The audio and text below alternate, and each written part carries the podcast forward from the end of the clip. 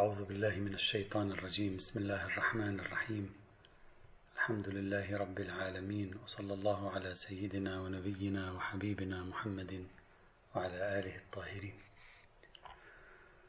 ما يزال كلامنا في النظرية الأولى من النظريات الأربع التي تطرح في موضوع اللفظ القرآني ومصدر اللفظ القرآني أو النزول المعنوي والنزول اللفظي للقرآن الكريم. النظرية الأولى كانت عبارة عن النزول المعنوي واللفظي معا للكتاب الكريم وهي النظرية المشهورة. في سياق هذه النظرية قلنا يوجد عدة أنواع من الأدلة. في المقام الأول تحدثنا وما زلنا نتحدث عن النوع الأول من الأدلة وهو المجموعات القرآنية النصوص القرآنية التي فرزناها إلى ست عشرة مجموعة ووصل بنا المطاف إلى المجموعة الثالثة عشرة وهي نصوص وصف القرآن الكريم بأنه عربي. بينا كيف يقرب الاستدلال ويبين الاستدلال بنصوص هذه المجموعة الثالثة عشرة ثم قلنا بأنه لا بد لنا أن نتوقف على مرحلتين. في المرحلة الأولى نمارس تحليلا لغويا لمفردة عرب واستخداماتها في المعجم اللغوي. ثم في المرحلة الثانية نجري تحليلا مقارنا للنصوص القرآنية التي وصفت القرآن بأنه عربي. في المرحلة الأولى توصلنا في في في درسنا الماضي توصلنا في المحاضرة السابقة إلى أن كلمة عربي آه، في عندما يوصف بها يعني لسان أو كلام أو ما كان من هذا النوع تحتمل معنيين لا ثالث لهما في اللغة. الاحتمال الأول أن المراد توصيف الكلام بأنه منتمي إلى لغة معينة وهي التي نعرفها اليوم باللغة العربية. الاحتمال الثاني أن يكون المراد توصيف الكلام بأنه واضح بين غير غامض. بناء على الاحتمال الأول عندما أقول هذا كلام عربي فإنه لا يمكن أن أقول آه، عن كلام هندي إنه كلام عربي لأن الكلام الهندي هو باللغة الهندية وليس باللغة العربية. بينما على الاحتمال الثاني أستطيع أن أقول هذا الكلام الذي باللغة الهندية عربي. أو ذاك الكلام الذي باللغة الفرنسية عربي. عربي يعني بمعنى واضح بمعنى مبين بمعنى مفصح بمعنى جلي وما شابه ذلك. الآن هذا هذا هو التحليل اللغوي الأولي طيب هذه الآيات التي استعرضناها في المجموعة الثالثة عشرة هذه الآيات تتكلم عن أن القرآن عربي. ماذا تقصد من عربي؟ تقصد انتماء هذا القرآن إلى لغة معينة؟ وبالتالي القرآن إذا هو عبارة عن نص لفظي عن كلام عن كلام عن لفظ. أنزلناه قرآنا عربيا يعني نزل بألفاظ فيتم الاستدلال بهذه المجموعة. أو أن هذه الآيات تريد أن تقول هو بين هو واضح. ما تريد أن تنسبه إلى لغة معينة تريد أن تقول هذا الذي نزل عليك أمر بين واضح جلي إلى آخره. فأي من المعنيين هو المراد؟ هذا ما يفرض علينا الانتقال للمرحلة الثانية من البحث كما قلنا. وهو إجراء تحليل مقارن لنصوص وصف القرآن بالعربية. طيب لنعين أي من الاحتمالين هو الأقرب في الدراسة اللي هي داخل هذه الآيات القرآنية الكريمة. أي من الاحتمالين هو الأوفر حظا. لما لم تكن اللغة في حد نفسها واللغة في معاجمها قد أعطتنا نتيجة حاسمة هنا. لابد لنا أن ننتقل إلى مرحلة رصد الآيات لنرى هل فيها شواهد هل فيها معطيات ترجح أحد المعنيين اللغويين أو لا. في هذا السياق يمكنني أن أصنف الآيات هنا على الشكل الآتي. أولا الآيات التي تصف القرآن بأنه عربي وليس فيها أي خاصية زائدة. فقط كل ما تعطيني إياه الآية أن هذا الكتاب عربي. مثلا قال تعالى إن أنزلناه قرآنا عربيا مثلا. أو قال تعالى وكذلك أنزلناه قرآنا عربيا وصرفنا فيه من الوعيد. فقد تشير إلى أنه عربي. لا تعطي لا تتضمن هذه الآيات. نحن الآن نصنف المجموعة الثالثة عشر نفسها نحاول نفرزها إلى مجموعات من الآيات حتى نرى كل مجموعة ما الذي تعطيني إياه. المجموعة الأولى هي المجموعة التي فقط تعطي أنه عربي. ليس فيها خاصية إضافية ليس فيها شاهد إضافي يعطينا فكرة معينة. مثل مثل الآية الثانية لا أريد أن أعيد الآيات فقط بإمكانكم أن ترجعوا إليها كما جئنا ذكرناها في المحاضرة السابقة. مثل الآية الثانية من سورة يوسف الآية 113 من سورة طه الآية الآيات 27 28 من سورة الزمر الآية الثالثة من سورة فصلت الآية السابعة من سورة الشورى الآية الثالثة من سورة الزخرف الآية الثانية عشرة من سورة الأحقاف. بهذا الإطار. طيب. طبعا بصرف النظر عن بعض التعديلات التي سوف تأتي بعد قليل. هذه الآيات لا تفيد للوهلة الأولى لا تفيد هذه الآيات أكثر من أن القرآن واضح فصيح جلي بين. ليس فيها دلالة على أنها تشير حصرا إلى اللغة العربية لأن الاحتمالين كما قلنا لغويا متساويين. فمن الممكن أن العربية فيها هنا يقصد منها الوضوح والصراحة وليس فيه عوج ليس فيه غموض. يشهد لهذه الفكرة الآية الرابعة والأربعون من سورة فصلت. الآية الرابعة والأربعون من سورة فصلت. لماذا؟ ما هي الآية الرابعة والأربعين؟ هي قوله تعالى ولو جعلناه قرآنا أعجميا لقالوا فصلت آياته أأعجمي وعربي؟ قل هو للذين آمنوا هدى وشفاء والذين لا يؤمنون في آذانهم وقر. وهو عليهم عمى أولئك ينادون من مكان بعيد هذه الآية شاهد على أن المراد هنا ليس الارتباط بلغة خاصة اسمها اللغة العربية وإنما المراد من كلمة عربي في هذه الآية وما يشبهها المراد هو الوضوح والجلاء كيف؟ كيف نعرف ذلك؟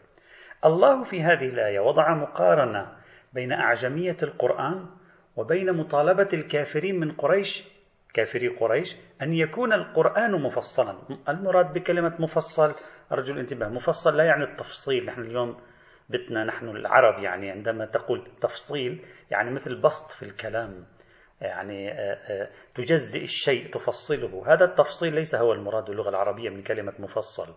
المفصل في اللغة العربية أي الواضح البين. والتفصيل الذي نحن نفهمه اليوم في اللغة العربية هو مصداق من مصادق التبيين. يعني عندما تفصل شيئا فأنت تبينه. ففي الحقيقة الجذر اللغوي لكلمة مفصل أو التفصيل المراد منه الوضوح والبيان. الآية وضعت مقارنة بين أعجمية القرآن وبين مطالبة كفار قريش أن يكون القرآن واضحا بينا. القرآن ماذا رد عليهم؟ رد عليهم بوضع مقابلة بين الأعجمية والعربية. وهذا يكشف عن ماذا؟ يعني هو في رده عليهم. عندما وضع مقارنة بين الأعجمية والبيان رد عليهم بمقابلة بين الأعجمية والعربية. هذا يدل على أن المراد بالعربية هنا التفصيل والوضوح لا اللغة الخاصة. طبعا على كلام سوف يأتي بعد قليل اصبروا قليلا. لاحظوا الآية ماذا تقول. ولو قال ولو جعلناه قرآنا أعجميا يعني غير واضح يعني غير بين لا يفهمونه. ها؟ لو جعلناه قرآن أعجميا يعني لا يفهمونه. لقالوا لولا فصلت آياته. يعني لقالوا لولا وضحت آياته.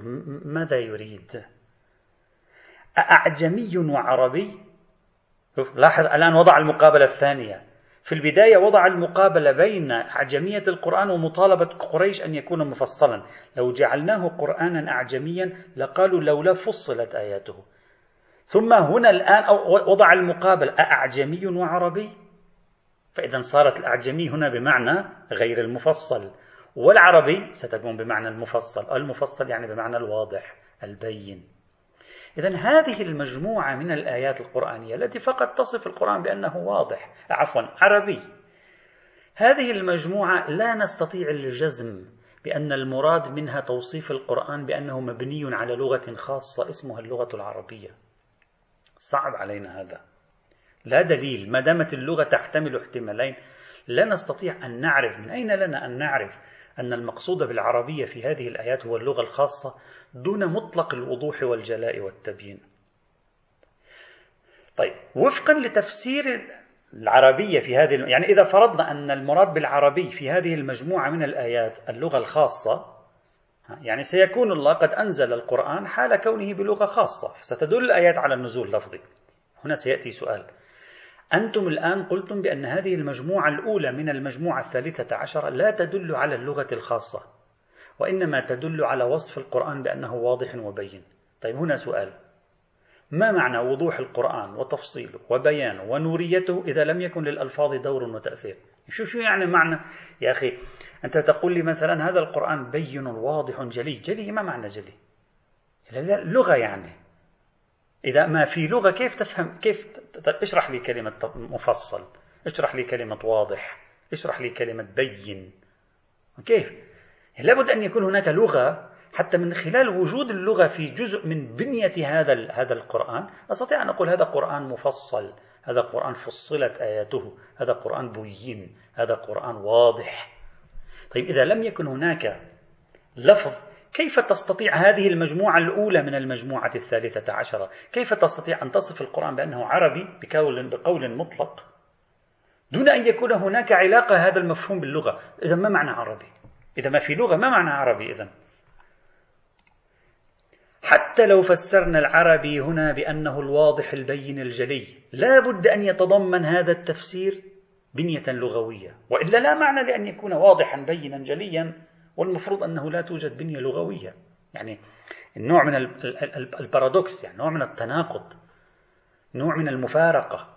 يعني أنا سلمت معك ها؟ الآن شخص ممكن يشكل علينا ونحن نحلل المجموعة الأولى من المجموعة الثالثة عشرة. يشكل علينا أنتم استبعدتم اللغة الخاصة. عندما القرآن يصف نفسه بأنه عربي استبعدتم اللغة الخاصة اللي هي اللغة العربية. طيب قبلنا معكم. ماذا تعني كلمة قرآن عربي؟ تعني قرآن بين.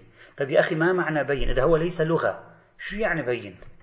أتمنى عليك توضح لي ما معنى بين؟ إذا هو ليس فيه أي علاقة باللغة. أنزلنا قرآن عربي يعني أنزلنا قرآن بين. طيب إذا ما في لغة شو يعني بين؟ وهذا سؤال وجيه أن نطرحه على أنفسنا ونحن نحلل هذه ال ال ال ال الآيات القرآنية الكريمة. طيب الجواب هنا. كون القرآن بيان وكون القرآن تفصيل وكون القرآن نور وكون القرآن تبيان وما شابه ذلك إذا كان القرآن ذا بنية لفظية واضح جدا أن هذه الكلمات ستتصل باللفظ والمعنى معا. لأن الوضوح والبيان عندما يتصف بهما الكلام اللفظي فهو يستبطن وضوح الدلالة بالتأكيد. هذا واضح. هذا واضح. لكن السؤال هل من المستحيل أن يتصف القرآن بالبيان والوضوح إذا لم يكن القرآن ذا بنية لفظية؟ الجواب لا ليس مستحيلا ممكن. وذلك لاحظوا معي جيدا نحن نتكلم عن قرآن الآن شكلين في عندنا الصورة الأصلية المخرجة وفي ال negative. كيف نقول هذا اللي يشتغلون في في التصوير؟ في ال negative. النيجاتيف هو المعاني هو الأفكار هو المفاهيم. هو المنظومات التشريعية هو المنظومات التي تبين الرؤية الكونية نفس المنظومات هذه كأفكار كعلم كمعرفة. وفي عندنا ها عندنا اللفظ الذي يحكي عن هذه المنظومات. إذا نحن حذفنا اللفظ من بنية القرآن الكريم وأخذنا المنظومات لوحدها هل يمكن وصفها بأنها واضحة؟ نعم يمكن وصفها. إذ كما توضح الألفاظ المعاني وتحكي عنها كذلك المعاني والأفكار توضح الواقع الخارجي تضيء على الحقيقة الخارجية العينية. فيكون معنى الآية هكذا أو هذه الآيات معناها هكذا إن هذا القرآن الذي هو لا علاقة له بالألفاظ. الألفاظ مجرد تحكي عنه. هذا القرآن الذي تحكيكم عنه الألفاظ التي صاغها النبي هذا القرآن أضاء بمفاهيمه الحقائق والوقائع الخارجية وبين أسرار الوجود والمبدأ والمعاد والقيم الأخلاقية وأجلى وأبرز مكنونات الفطرة الإلهية المودعة في الإنسان. إذا يمكن وصفه بهذه الأوصاف حتى لو لم يكن في نزوله متصفا باللفظية والكلامية. مثلا أنت تقول علم الفلسفة يوضح الأسرار الكلية للوجود. التفكير الفلسفي يوضح الأسرار الكلية للوجود. وهو تفكير ليس من ضروري تكون ألفاظ. علم الطب العلم بما هو علم ينير ويجلي لنا تركيبة الجسم وسبل التعامل معه. إذا ممكن أن نصف إكس من الأشياء بأنه واضح بين عندما يكون مجموعة من المفاهيم والمنظومات القانونية والتشريعية والسلوكية والرؤيوية هذه برمتها تكون منسجمة منطقية متوالمة مع نفسها ترينا الأشياء الخارجية بسلاسة. عندما تأتي إلى ذهننا فهي لا تعاني من غموض. عندما تأتي إلى ذهننا هذه المنظومات لا تعاني من اضطراب لا تعاني من تناقضات لا تعاني من تهافتات لا تعاني من مفارقات. وهذا معنى وضوحها يعني إن هذه المنظومات من المعارف التي أنزلناها عليكم بينة واضحة قادرة إذا نزلت إلى عقولكم بأي طريقة نزلت. نفس هذه المنظومات المعرفية هي بينة هي واضحة هي جلية. ليس فيها تناقضات ليس فيها غموض ليس فيها تداخلات. نعم هي انكشفت لكم عبر اللغة لأن عقل الإنسان يتحرك في دائرة التفكير من خلال اللغة في العادة. لكن هذا لا يعني أننا لو فصلناها عن اللغة هي في حد نفسها لا يمكن أن تكون جلية واضحة بينة. ما شئت فعبر من مثل هذه المفاهيم التي تطرح في المقام. طيب ممتاز. إذا ما في مانع؟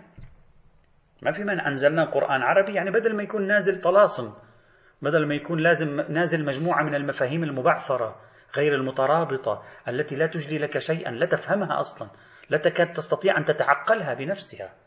اترك ألفاظها. لا هو قادر أن تتعقله قادر تفهمه يحكي عن نفسه يعبر عن نفسه يجلي ما يحكي عنه.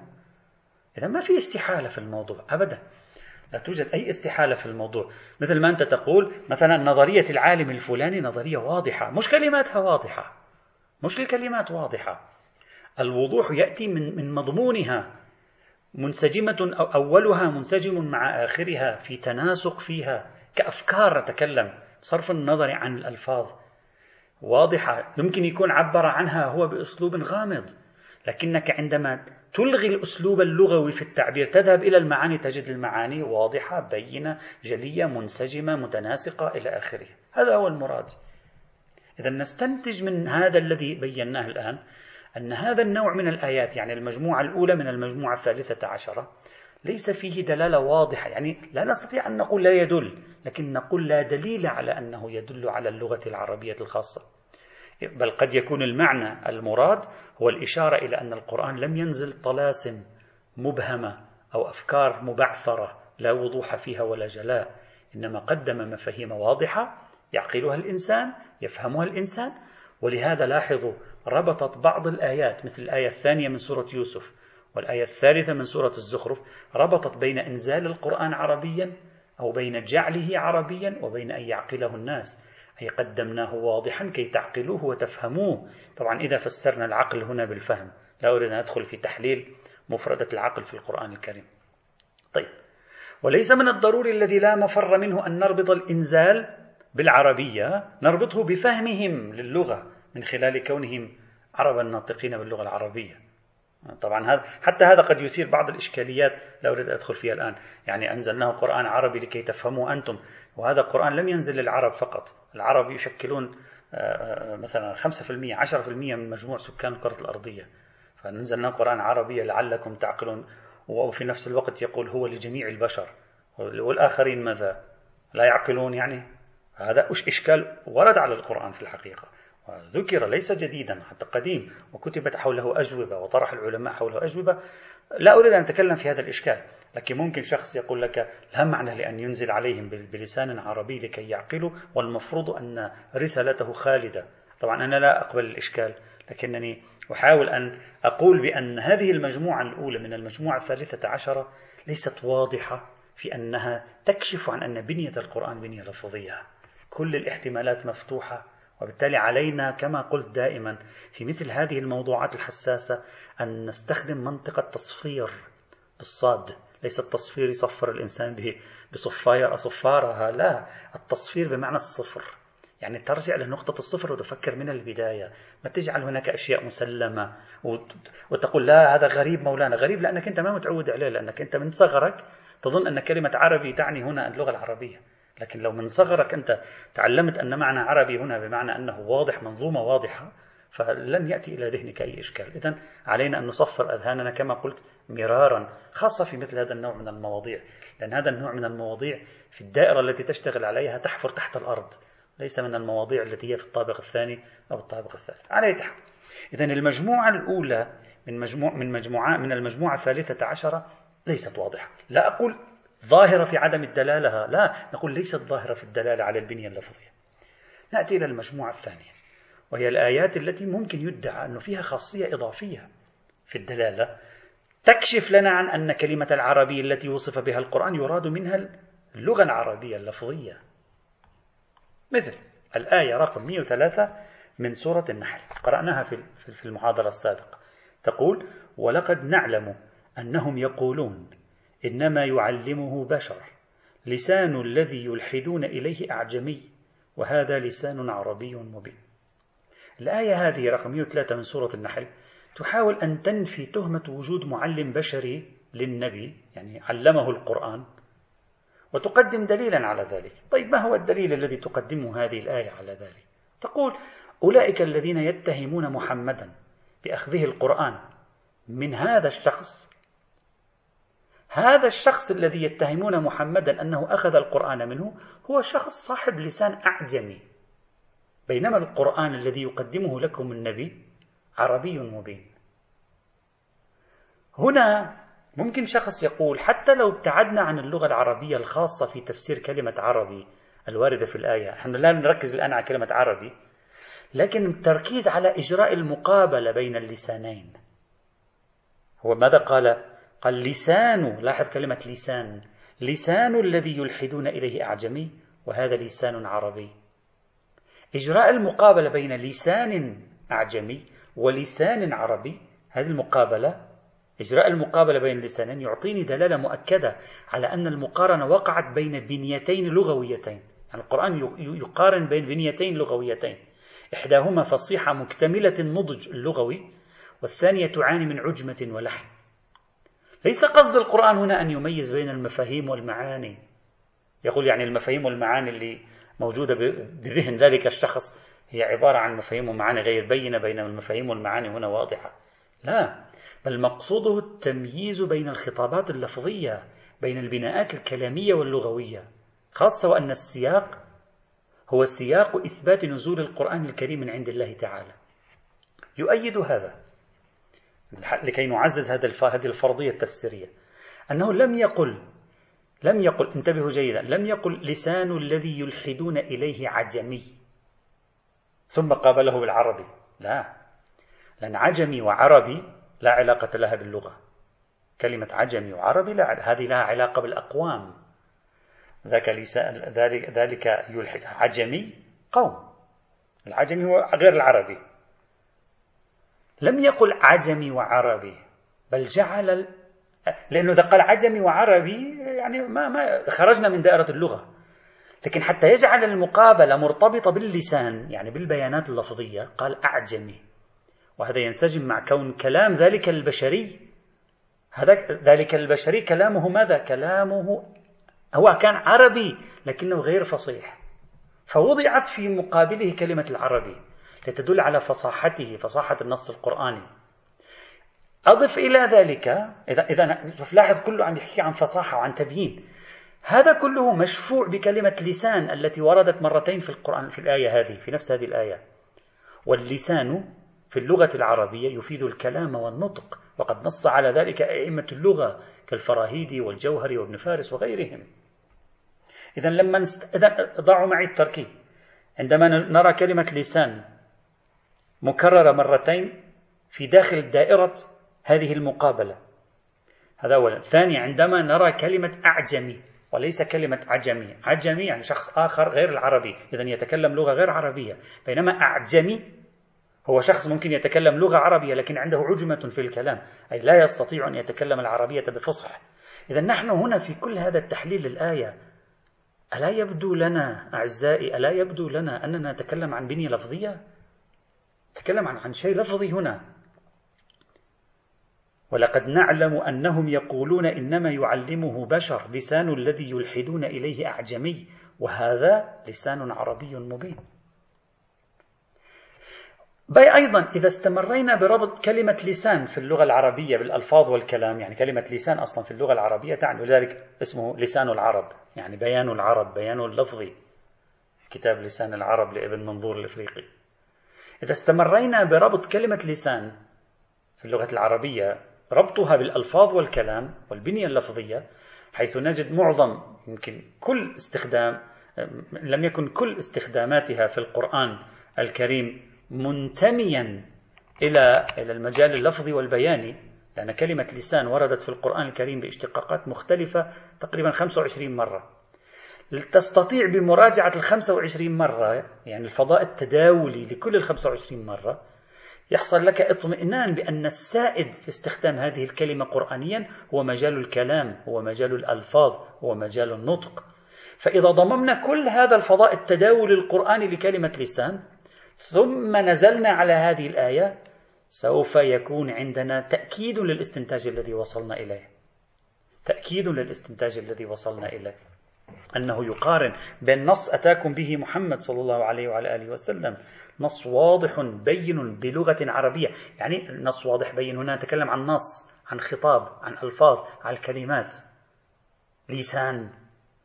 في حين ذاك الشخص الذي تقولون يتعلم منه لا يملك هذا اللسان حتى يعطيه له. إذا نحن نتكلم عن ماذا؟ نتكلم عن قرآن لغوي. نتكلم عن قرآن لفظي. فمحمد جاءكم بقرآن. هذا الذي أنزلناه. وقل لقد نعلم أنهم يقولون يعلمه بشر. إذا من الذي يعلمه؟ مش بشر الله. إذا الله يعلمه. إذا من الذي أعطاه هذه البنية اللفظية؟ الله أعطاه إياها. هذه من الله منحه إياها. طيب.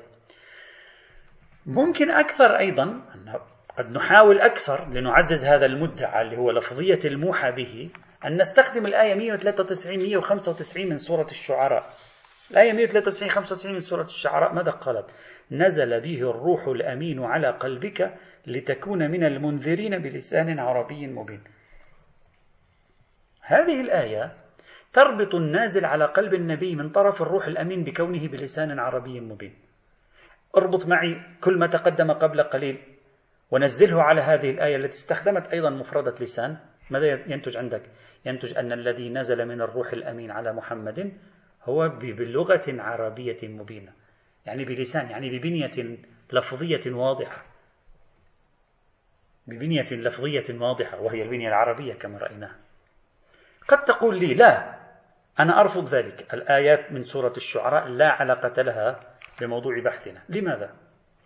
لأن الجار والمجرور في بلسان عربي يفترض قواعديا أو يعني على مستوى القاعدة في اللغة العربية يفترض أن يتعلق بالمنذرين وليس بنزلة نظرا لخاصية خاصة مع خاصية الأقربية لأنه ماذا قال؟ قال نزل به الروح الأمين على قلبك لتكون من المنذرين بلسان عربي والمنذر هنا اسم فاعل فبلسان جار ومجرور يتعلق بالأقرب وأقرب شيء هنا هو هو اسم الفاعل.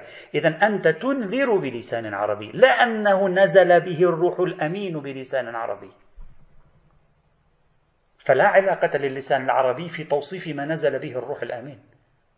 وإنما هناك علاقة بلسان عربي في توصيف كيفية إنذارك وأنك عندما تنذر تنذر بلسان عربي مبين. فممكن شخص يقول الجار والمجرور في بلسان عربي يتعلق بالمنذرين وليس يتعلق بنزل خاصة مع أن المنذرين أقرب فإذا هذا لا يكون وصفا للنازل من عند الله وإنما هو وصف للنازل عليه القرآن. من هو؟ يعني محمد المنذر. وأنك تنذر بلسان عربي. إذا لا ربط لهذه الآيات بما نحن فيه. لا أقل أن الأمر متردد. إلى أين نرجع الجار والمجرور في بلسان عربي؟ الأمر مردد. إذا لا يصح الاستدلال. وهذا الترديد لسنا نخترعه الآن بل يبدو من الزمخشري واضح من كتاب الكشاف للزمخشري واضح أنه هو أيضا متردد. وهو علامة في المجال اللغوي أيضا. هو أيضا متردد. إلى ما نرجع الجار والمجرور في بلسان. ويكفينا التردد هنا. إذا كان متردد لا تستطيعون توظيف هذه الآية القرآنية الكريمة لتأكيد أن الذي نزل هو بنية لفظية. لتأكيد أن الذي نزل هو بنية لفظية. طبعا هنا يمكن أن يجاب. هذا الاحتمال وجيه جدا. يعني هذا إلى إلى هنا هذه المداخلة التي طرحناها الآن هذه مداخلة محكمة ما في نقاش فيها. لكن دعونا نكمل قراءة الآيات التي هي واضح أنها في نسق, نسق واحد وسياق واحد. فماذا قال تبارك وتعالى بعد تلك الآيات مباشرة؟ قال نزل به الروح الأمين على قلبك لتكون من المنذرين بلسان عربي مبين. وإنه وإنه لفي زبر الأولين.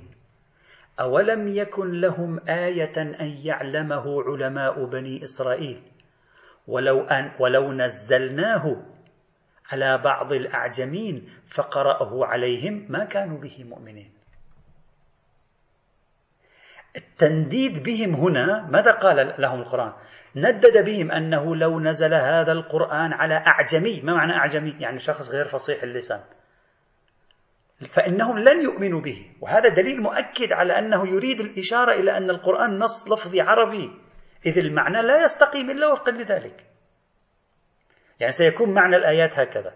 إن هذا القرآن النازل بلغة عربية فصيحة لو نزلناه على شخص غير مستقيم اللسان ومع ذلك قرأه عليهم. هو لا يعرف العربية بطريقة فصيحة رائعة البيان. ومع ذلك قرأ عليهم نصا عربيا فصيحا. مع ذلك فإنهم لن يؤمنوا. لماذا؟ لأنهم متكبرون. يعني يا رسول الله لا تعيش الإحباط من إنكارهم. هذا السياق كله على ماذا يتكلم؟ يتكلم عن النص نفسه. يتكلم عن النص. فلما قال بلسان عربي مبين. ثم بعد ذلك أكمل الآيات وقال ولو نزلناه على بعض الأعجمين فقرأه عليهم ما كانوا به مؤمنين. عندما نربط الآيات 193 إلى 195 بالآيات 196 إلى 199 نربطها ببعضها ثم نوحد السياق. ماذا يعطينا؟ يعطينا أنه يقول هذا القرآن نزل به الروح الأمين في بنية لفظية عربية واضحة جلية. فلا تقلق من أنهم يكذبونك. لا لا تقلق من أنهم يكذبونك ويشككون في أنه نزل به الروح الأمين.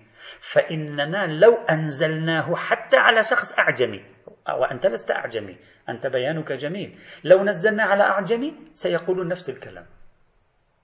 إذا تركيبة الآيات مع بعضها ماذا تعطينا؟ تعطينا وضوحا أن السياق برمته منصب على تركيز البعد اللفظي من النص القرآني، فإذا نزل على محمد أنكروه ولو نزل على أعجمي لأنكروه أيضا.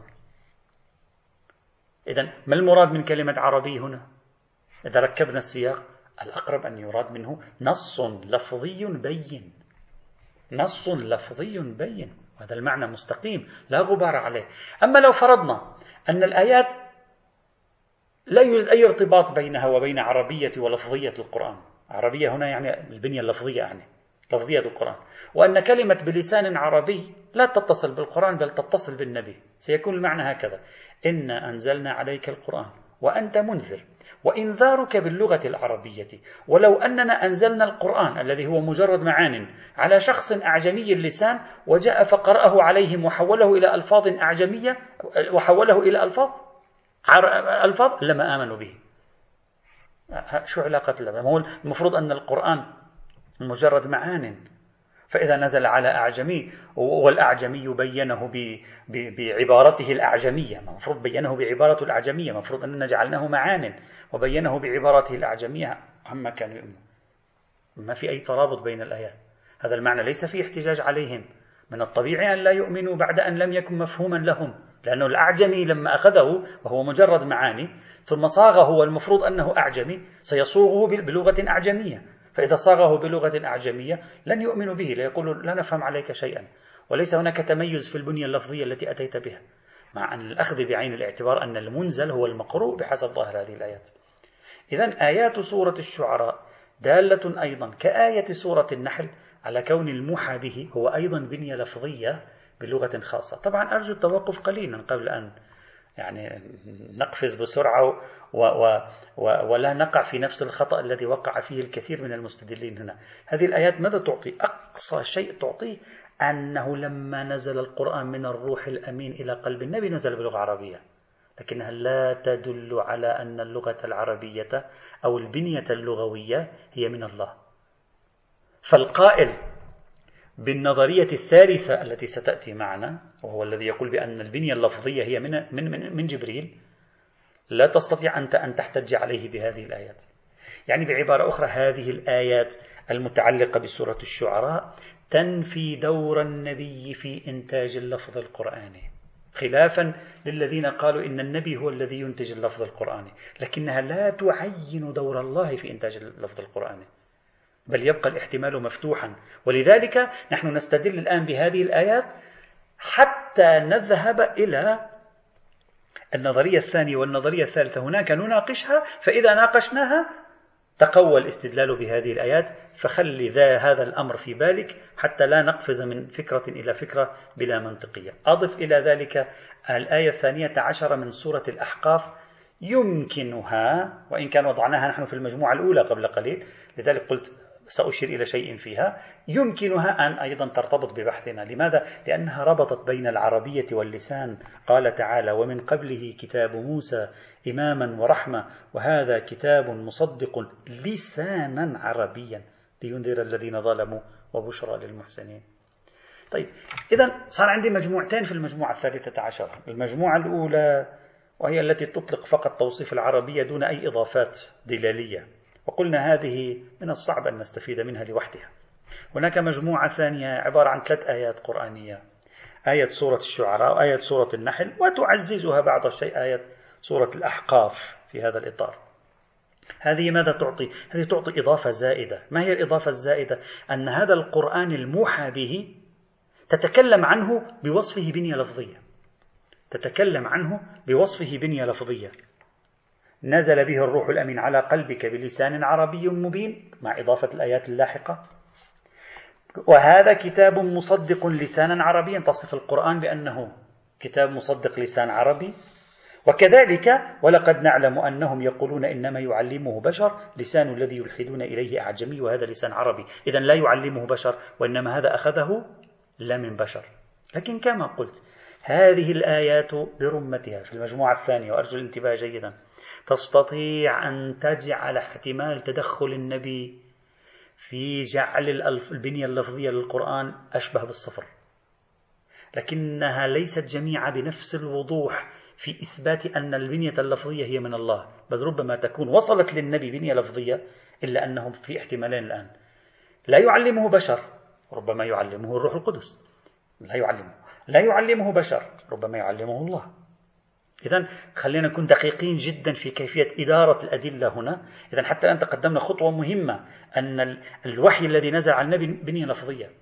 البنية اللفظية من أين؟ هل هي من الله أم من جبريل؟ هذا سوف يأتي تفصيله فيما بعد إن شاء الله. فإذا استبعدنا فرضية جبريل سوف يتعين أن هذه المجموعات من الآيات القرآنية سوف تتعاضد لتثبت البنية اللفظية الآتية من الله سبحانه وتعالى لنبيه.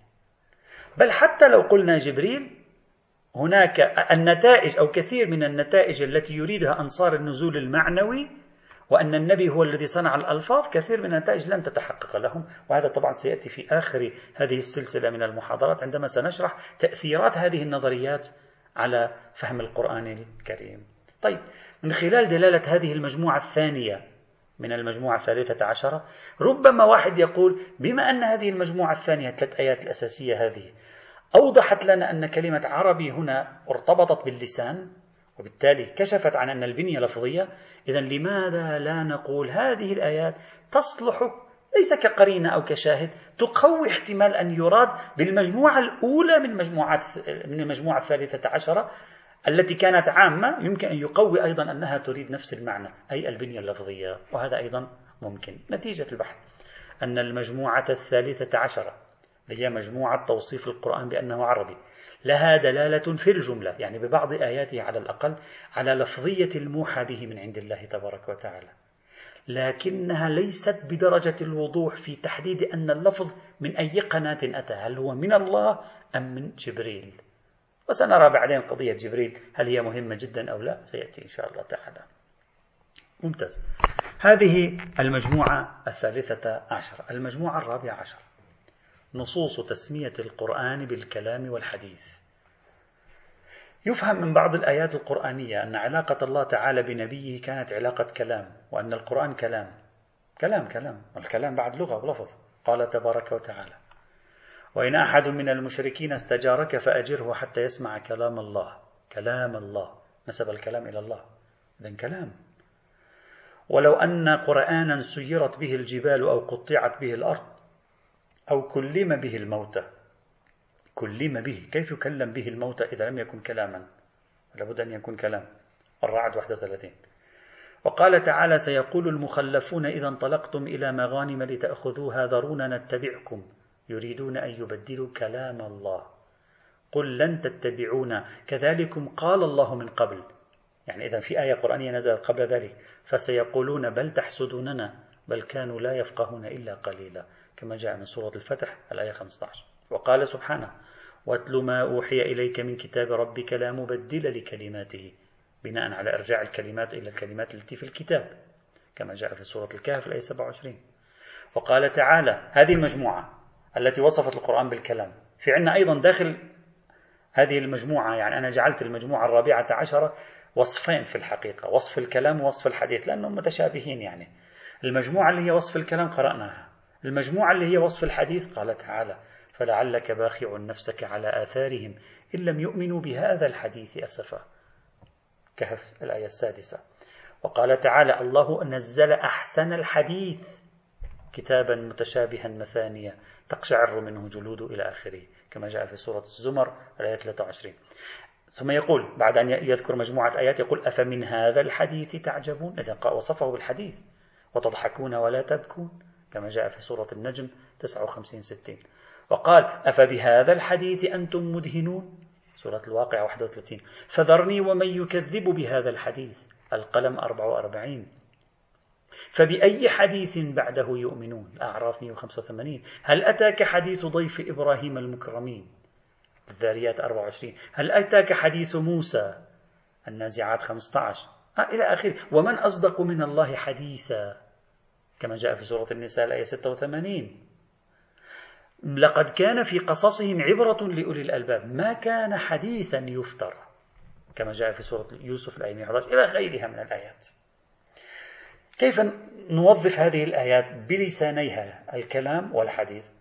نقول إن الله تعالى وصف القرآن أو بعض آيات القرآن على الأقل وصفه بأنه كلام الله لأن بعض الآيات هنا لا تشير إلى كل القرآن تشير إلى ما تقدم من كلام راجعوا الآيات ودققوا فيها.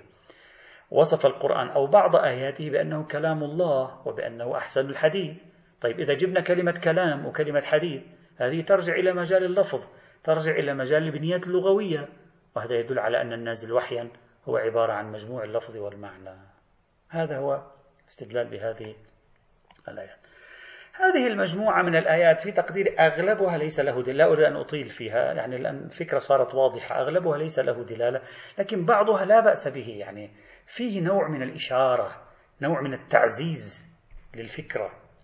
مثلا الربط بين السماع وبين كلام الله. حتى يسمع كلام الله. إذا هذا الكلام هو كلام الله.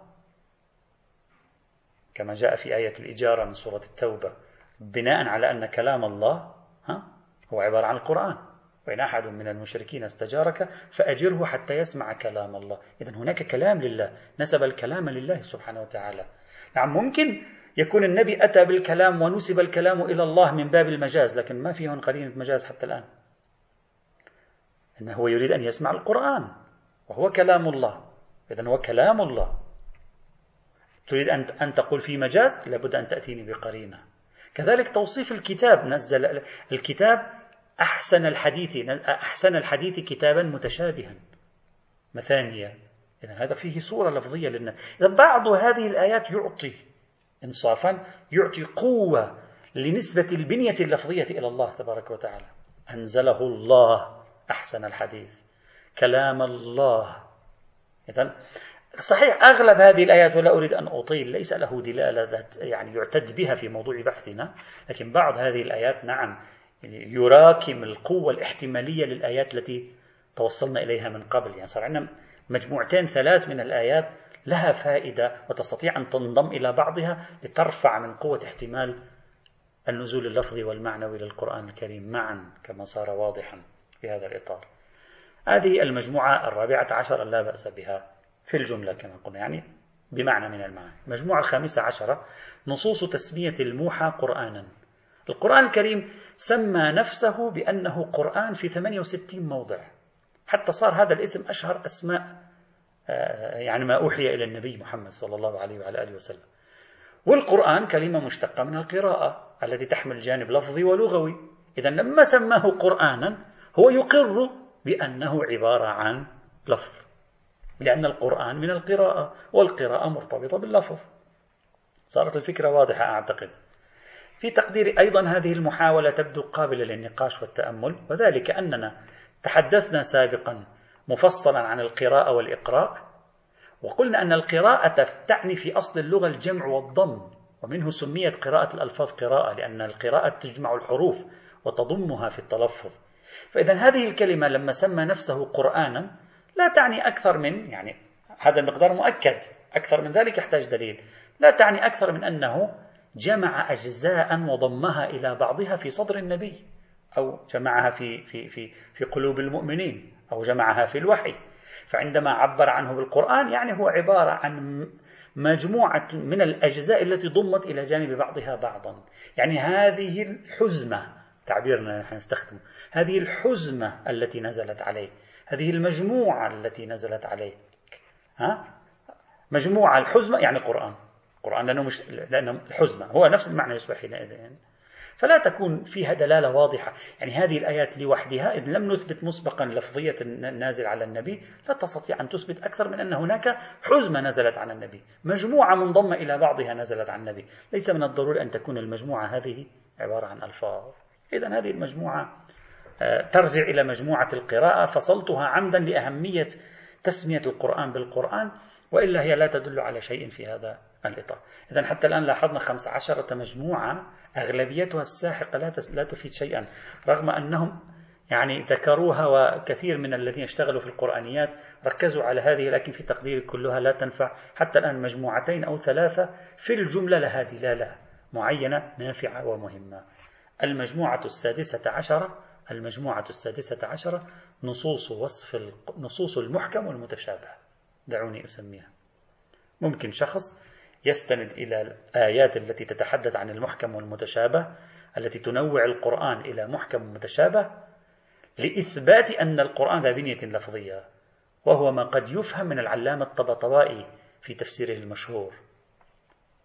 كيف؟ الله سبحانه وتعالى وصف آيات كتابه فقال هو الذي أنزل عليك الكتاب منه آيات محكمات هن أم الكتاب وأخر متشابهات. فأما الذين في قلوبهم زيغ فيتبعون ما تشابه منه ابتغاء الفتنة وابتغاء تأويله وما يعلم تأويله إلا الله والراسخون في العلم. وما يعلم تأويله إلا الله.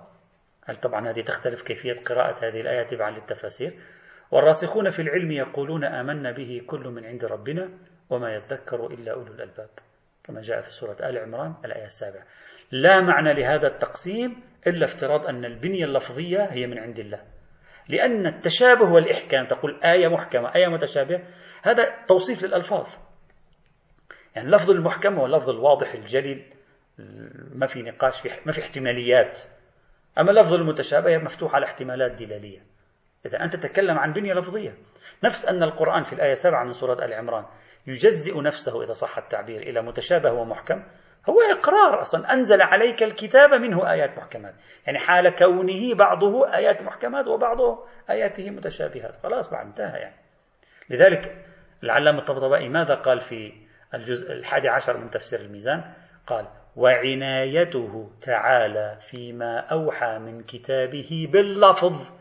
يعني عناية الله فيما أوحى باللفظ مما لا يرتاب فيه المتدبر في كلامه. كيف؟